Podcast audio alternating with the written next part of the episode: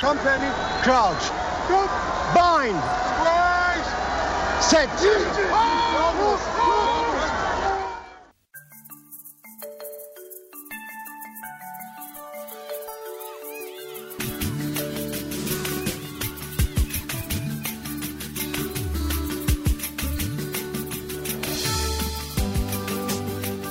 Vandag loer ons na die helde van die Wêreldbeker van 1991.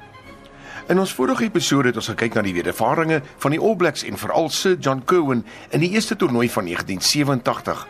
Maar kom ons spoel nou vooruit na die tweede toernooi in die Verenigde Koninkryk in 1991. Die tweede toernooi in 1991 was beslis opwindend. Rugby het groot aanhang gehad, 'n fokusonderwerp vir die koerante en TV-nuuskanale. En met hierdie ekstra aandag het rugby se hardebaard lummels die beeld van rowwees en boelies wees afgeskit en bekendes geword. Engeland se kaptein was die aantreklike Will Carling met sy gemaklike styl vir die media. Dan was daar ook die Royal Air Force se vlieënier Rory Underwood, chirurg John Webb, seunsagtige Rob Andrew en 'n speler met die voorkoms en gedrag van 'n manlike model, Jeremy Guscott in die Engelse span. Plus daar was genoeg van die slegte seun element soos Brian Moore Wade Dooley en Mickey Skinner wat die speserye bygevoeg het vir 'n goeie rugby dis. Anders gestel, rugby se rockster era het aangebreek. Die spanne was vol topspelers, dink maar aan Nick van Jones, Michael Lynagh, Brian Lima, Zinzan Brook, Michael Jones en Serge Blanco. Toe die fluitjie blaas om die einde van die eindstryd tussen Engeland en Australië op Twickenham aan te dui, was die onoffisiële speler van die toernooi 'n Wallaby. Campese! Kleinman! Campese! Can he get there? Beatty chasing! They won't catch him! Another Australian try! A record score against Scotland! What a passage of play! Campese's second try of the game. David Campese word beskou as een van die grootstes van alle tye en sy wedervarings in die toernooi van 1991 was instrumenteel in die Wallabies se eerste wen van die Webb Ellis Trofee. Met die tyd wat uitgeloop het en dit byna seker was dat Australië uit die toernooi sou wees, het 'n verwoestende loop deur Campese en 'n aangee na Michael Lynagh gelei tot die wen-3 in hulle kwartfinalewedstryd teen Ierland. Maar hy het sy beste vir die halfeind geberre teen die gunstelingsspan die All Blacks. Campese het van die klein kantjie af ingesny en was op eerste ontvanger en het skuins oor die veld gehardloop. Dit het gelyk of sy voorneme was om die bal vir een van sy mede-agterspelers te gee wat terug sou sny in die ander rigting.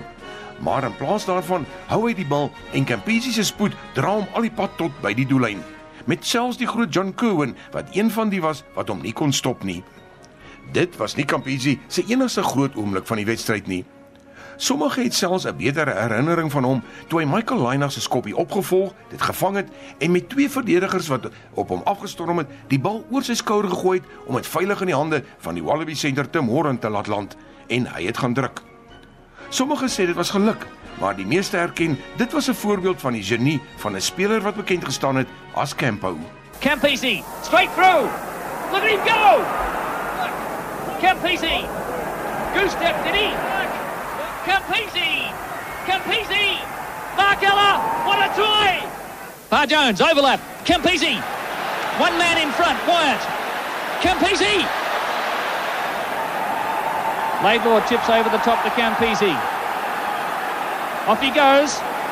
Lovely work by Campese. Gould almost go. Oh, yes, slack. Campese! He's over! Hy is bekend vir sy gaans of goose step, 'n hakplek skop en 'n versnelling wat teenstanders deurmekaar gemaak het. As seun van 'n Italiaanse immigrantefamilie het Campese 'n onwaarskynlike rugby agtergrond gehad. Hy was van Queen Bayon in die middel van Nieu-Suid-Wales en het sy pad na die Wallaby span gekry deur die Brumbies in Canberra. Hy het 101 wedstryde vir Australië gespeel en het die wêreldrekord gehou vir die meeste toetsdrieë, naamlik 64. Die rekord is later oortref deur Dozuki Ohata van Japan. Campisi woon tans in Durban en is getroud met Lara Benkenstein, die suster van die voormalige Protea en KwaZulu-Natal Dolphins kriketspeler Dale Benkenstein. Hy is in 2013 ingelyf in die wêreld se sogenaamde Rugby Hall of Fame. In ons volgende episode fokus ons op die 1995 Rugby Wêreldbeker in Suid-Afrika en die koms van 'n uitstaande speler wat letterlik die gesig van rugby sou verander.